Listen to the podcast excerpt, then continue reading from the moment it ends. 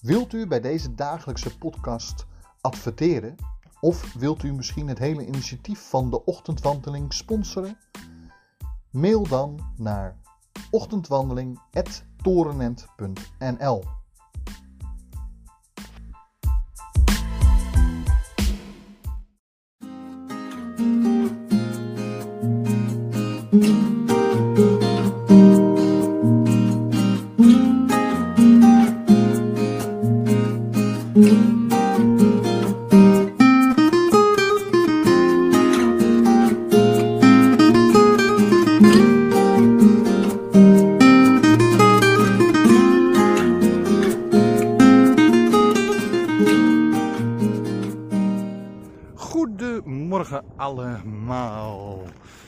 zijn weer eh, in de Zandvoortse Duinen.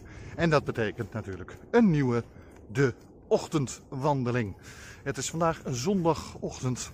Het is weer heel mooi weer. Daarom knijp ik nu een beetje met mijn ogen, want de zon schijnt in mijn ogen. En ik loop opnieuw in de Zandvoortse, of beter gezegd Kennemer Duinen. Hier bij een plas water. Uh, met mijn drie hondjes. En ik heb het nodige met u te bespreken. Want, uh, voor de mensen die mij nog niet kennen, mijn naam is Bastiaan Torenent. Ik ben theatermaker, acteur. Ik ben totaal geen autoriteit op welk gebied dan ook. Echter heb ik wel altijd een hele sterke mening. Nou, en die mening verkondig ik dan ook. U hoeft het niet met mij eens te zijn. Uh, maar uh, ik denk dat ik soms andere mensen wel kan helpen. Uh, en daarom ben ik zo arrogant om elke dag, of bijna elke dag, een ochtendfilmpje te maken. Terwijl ik wandel met mijn honden door de duinen. Goed, waar gaan we het vandaag over hebben? Over iets best wel essentieels. En dat essentiële is de verkiezingen. Uh, voor de mensen die het niet helemaal gevolgd hebben of het nieuws niet volgen. Komende uh, 17 maart zijn er weer landelijke verkiezingen voor het parlement. Nou, moet ik als eerste zeggen, ik ben het helemaal eens met een heleboel mensen die zeggen dat eigenlijk de verkiezingen uitgesteld hadden moeten worden. Of dat er nu uh, tijdelijke verkiezingen gehouden zouden moeten worden. Want uh, die bijvoorbeeld voor een jaartje gelden en dat er over een jaar weer nieuwe verkiezingen gehouden zouden worden. Aangezien de coronacrisis nog wild om zich heen slaat in, onze, uh, in ons land. Kijk, daar ziet u twee van mijn honden, Dexter en Masha. Uh, en omdat ze wild om zich heen slaat, uh, hebben mensen toch de neiging om te gaan stemmen op een partij die momenteel het uh, coronabeleid goed heeft uh, doorlopen. Of beter gezegd, verantwoordelijkheid heeft genomen daarvoor. Maar het probleem daarmee is, is dat natuurlijk sommige partijen in de oppositie maar weinig uh, hebben kunnen bepalen tijdens deze periode. Allereerst omdat we vanaf vorig jaar maart uh, in een uh, crisis zitten en de overheid pas in december de coronawet heeft ingevoerd. Uh, dus de hele tijd daarvoor eigenlijk alleen maar het beleid werd bepaald door noodverordeningen. En noodverordeningen, daar hoeft het parlement niet mee in te stemmen. Dat kan de regering gewoon doorvoeren. Goed, daarom ben ik zo blij dat hij wel de aangepaste vorm, want de eerste coronawet was slecht. Dat moet ik wel eerlijk, dat geef ik de meeste mensen na. De meeste mensen die ook protest daartegen aan heeft getekend. Maar de tweede coronawet is beter, want nu hebben we in ieder geval controle van het parlement op de regering. Goed, de regering is gevallen. En deze verkiezingen stonden natuurlijk eigenlijk al gepland. Maar dan moet je verkiezingen houden. En wat zien we nu gebeuren in de peilingen? dat mensen inderdaad kijken naar het, vooral naar het afgelopen jaar. En hoe uh, we de coronacrisis zijn doorgekomen. Dus wie staat er hoog bovenaan uh, in de peilingen. Uh, natuurlijk zijn het maar peilingen, maar de kans is heel klein dat dit niet uitkomt. Wie staat er bovenaan? Mark Rutte. Men vindt namelijk dat hij toch wel een goede leider is geweest in deze crisis. Uh, nou valt daar ook natuurlijk wel hier en daar een opmerking over te maken. Maar ik moet u eerlijk zeggen, ik ben op zich redelijk content met hoe Rutte als premier echt premier werd van het hele land tijdens deze coronacrisis. Uh, maar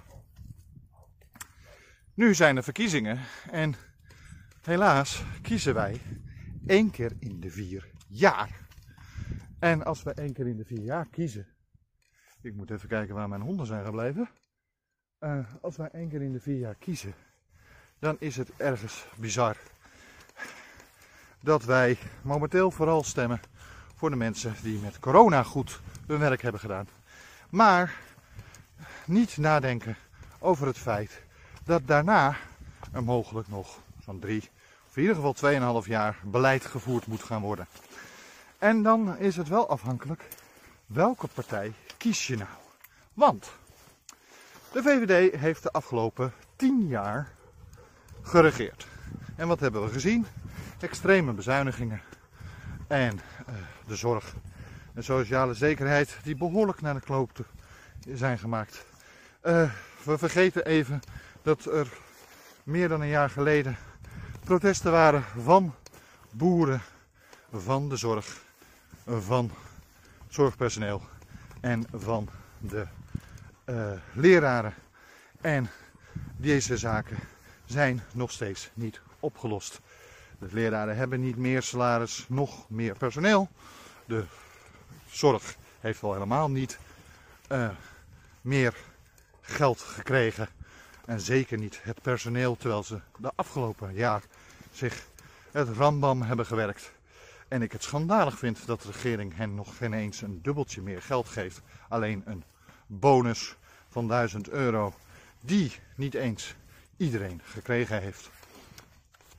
Daarnaast hebben we natuurlijk de Belastingdienst gehad, die behoorlijke puinhoop heeft gemaakt. Maar ja, dat is ook gedurende de hele periode geweest dat Rutte heeft gereageerd. En we hebben uh, natuurlijk de nationale politie, die nog steeds niet helemaal goed functioneert. Uh, et cetera, et cetera. Nou zijn er natuurlijk heel veel dingen op te noemen. En natuurlijk, het is niet allemaal uh, premier Rutte's persoonlijke fout. Maar ik vind wel dat, uh, ook al doet hij het dan als crisismanager vrij goed, dat de dingen die er allemaal mis zijn gegaan of kapot zijn gemaakt in de afgelopen tien jaar, dat die toch op een of andere manier een beetje mee moeten wegen in de afweging wie nou straks de grootste wordt. Maar ja, volgens de peilingen staat de VVD bovenaan met ruim 40 zetels. Misschien iets meer, misschien iets minder. En daarna komt pas de PVV met 23 zetels. En dan het CDA met 19 tot 20 zetels. Enzovoort. Want dan krijg je D66, die blijft ongeveer gelijk. PvdA wordt misschien iets groter, misschien blijft hij gelijk. GroenLinks precies hetzelfde. Nou ja, SP ook. En dan krijg je al het kleine grut wat meedoet. Nou doen er dit jaar weer 37 partijen mee uh, met de verkiezingen. Ik begrijp heel goed dat u niet altijd weet uh, en dus sneller kiest voor zekerheid. Uh, want al die kleine partijen die willen allemaal net dingen anders, maar heel veel lijken ook gewoon echt op elkaar. Uh, ik vind dat het langzamerhand tijd wordt dat deze partijen misschien verplicht worden om meer samen te gaan werken of zich samen te voegen. Maar hoe je dat dan moet gaan doen, dat weet ik ook niet. Goed, dat is even een andere, uh, ander beeld. Het probleem met de verkiezingen van nu zijn, is, is dat uh, mensen kijken alleen naar het coronabeleid. En natuurlijk is het zo dat de oppositiepartijen uh, wel wat ingestemd hebben en dergelijke. Maar ja, het is crisis. Dus ze gaan over, ook niet overal keihard tegen in. Uh, ze zijn al lang genoeg blij dat de VVD samen met D66, ChristenUnie en CDA tenminste iets doet. En niet, niet zoals uh, bijvoorbeeld een Trump ooit in Amerika niks deed. Of uh, een Boris Johnson in Engeland ook een hele tijd veel te weinig heeft gedaan. Um, op zich gaat het redelijk goed, al zijn er natuurlijk wel hier en daar nou ja, grove fouten gemaakt. Met name bijvoorbeeld door CDA-ministers. Dat is mijn persoonlijke mening, hoeft u niet met mij eens te zijn. Maar ja, uh, Grapperhaus heeft natuurlijk een finale fout gemaakt. Uh, minister De Jonge heeft het coronabeleid nooit helemaal goed onder controle gehad. En zegt iedere keer wel dat het goed komt. Maar tot nu toe is heel veel dingen waar hij van gezegd heeft dat het wel goed komt, niet goed gekomen. Uh, en vervolgens heb je natuurlijk Hoekstra, die lekker gaat lopen schaatsen. Terwijl niemand binnen mag schaatsen. En de hele bevolking eigenlijk zoiets heeft van: jij hoort het goede voorbeeld te geven. Nou, laat ik u heel even rusten door een blik te geven over de mooie duinen van Zandvoort. Wat woon ik toch verschrikkelijk mooi in en de omgeving van Zandvoort. Dat hek wat u daar ziet, dat is het uh, welbekende circuit van Zandvoort. Maar ja, nu is het zondagochtend, het is rustig en daar ben ik blij mee, want dan geniet ik van alles. Wacht even, uh, ik moet even een hond bijroepen. Ik ben zo weer bij u terug.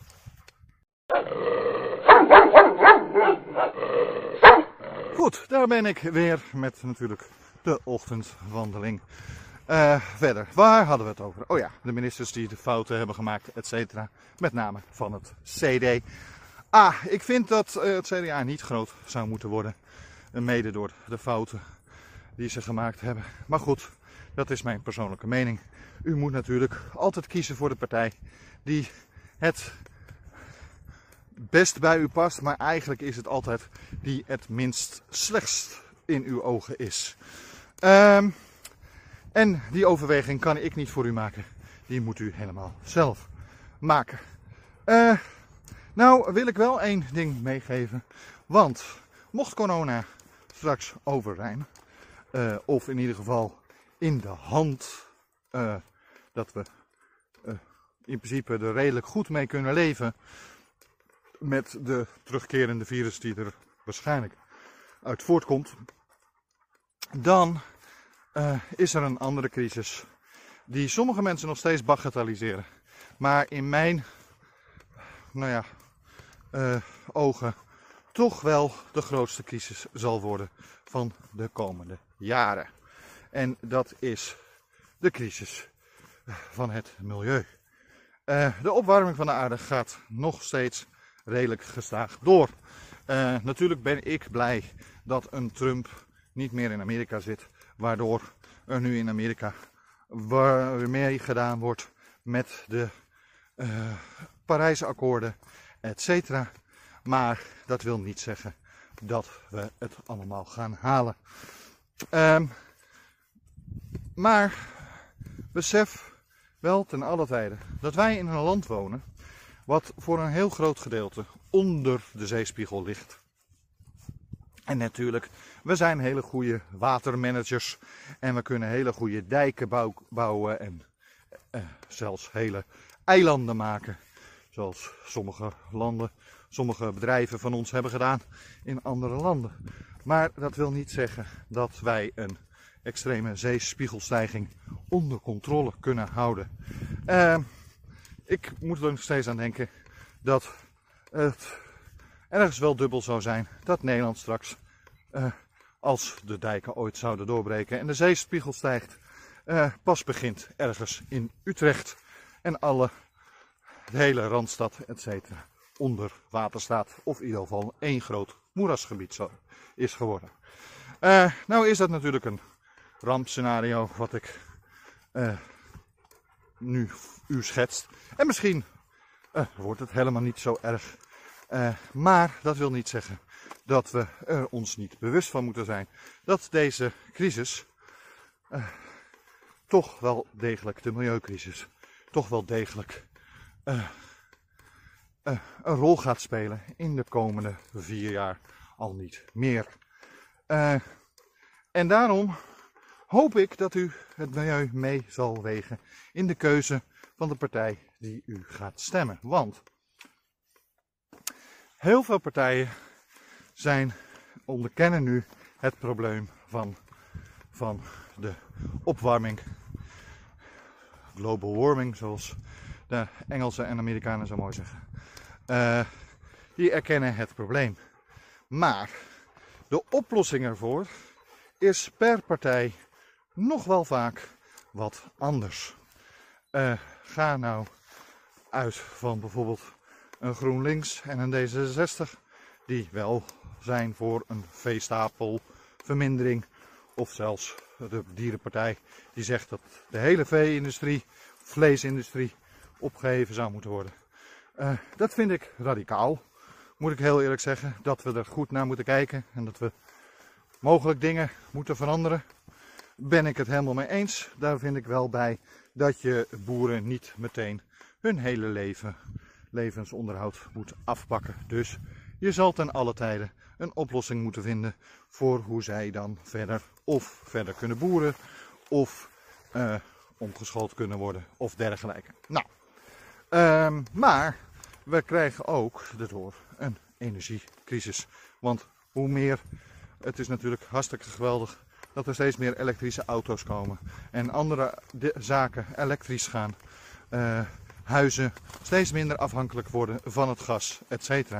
Maar ja, die elektriciteit moet wel opgewekt worden. En ja, wat is daar dan de oplossing voor? Momenteel staan er nog heel veel kolencentrales en gascentrales te branden. Uh, en in hoeverre is dat een oplossing? Want dat blijft net zo hard heel erg vervuilend. Maar ja, alles op zonne-energie en windenergie is misschien ook niet de oplossing. En ja, in hoeverre staat u zelf negatief tegenover kernenergie? Want sommige mensen vinden dat uit den boze en anderen zeggen, nou, misschien moeten we dat toch maar eens bekijken. Dat is allemaal een overweging in deze hele klimaatcrisis. En de klimaatcrisis gaat dus veel verder eigenlijk nog als de coronacrisis. Uh, het uh, kan uw eigen werk uh, beïnvloeden. Het kan uw manier van leven beïnvloeden. En ook de eventuele investeringen, etc. van uw zelf in de toekomst beïnvloeden. En natuurlijk, iedereen kan een steentje bijdragen door te recyclen, etc. Maar heel eerlijk, dat is niet de grote oplossing voor de opwarming. Willen we de opwarming een beetje tegengaan het allemaal een beetje onder controle houden, zal u toch de politiek moeten dwingen om er iets aan te doen.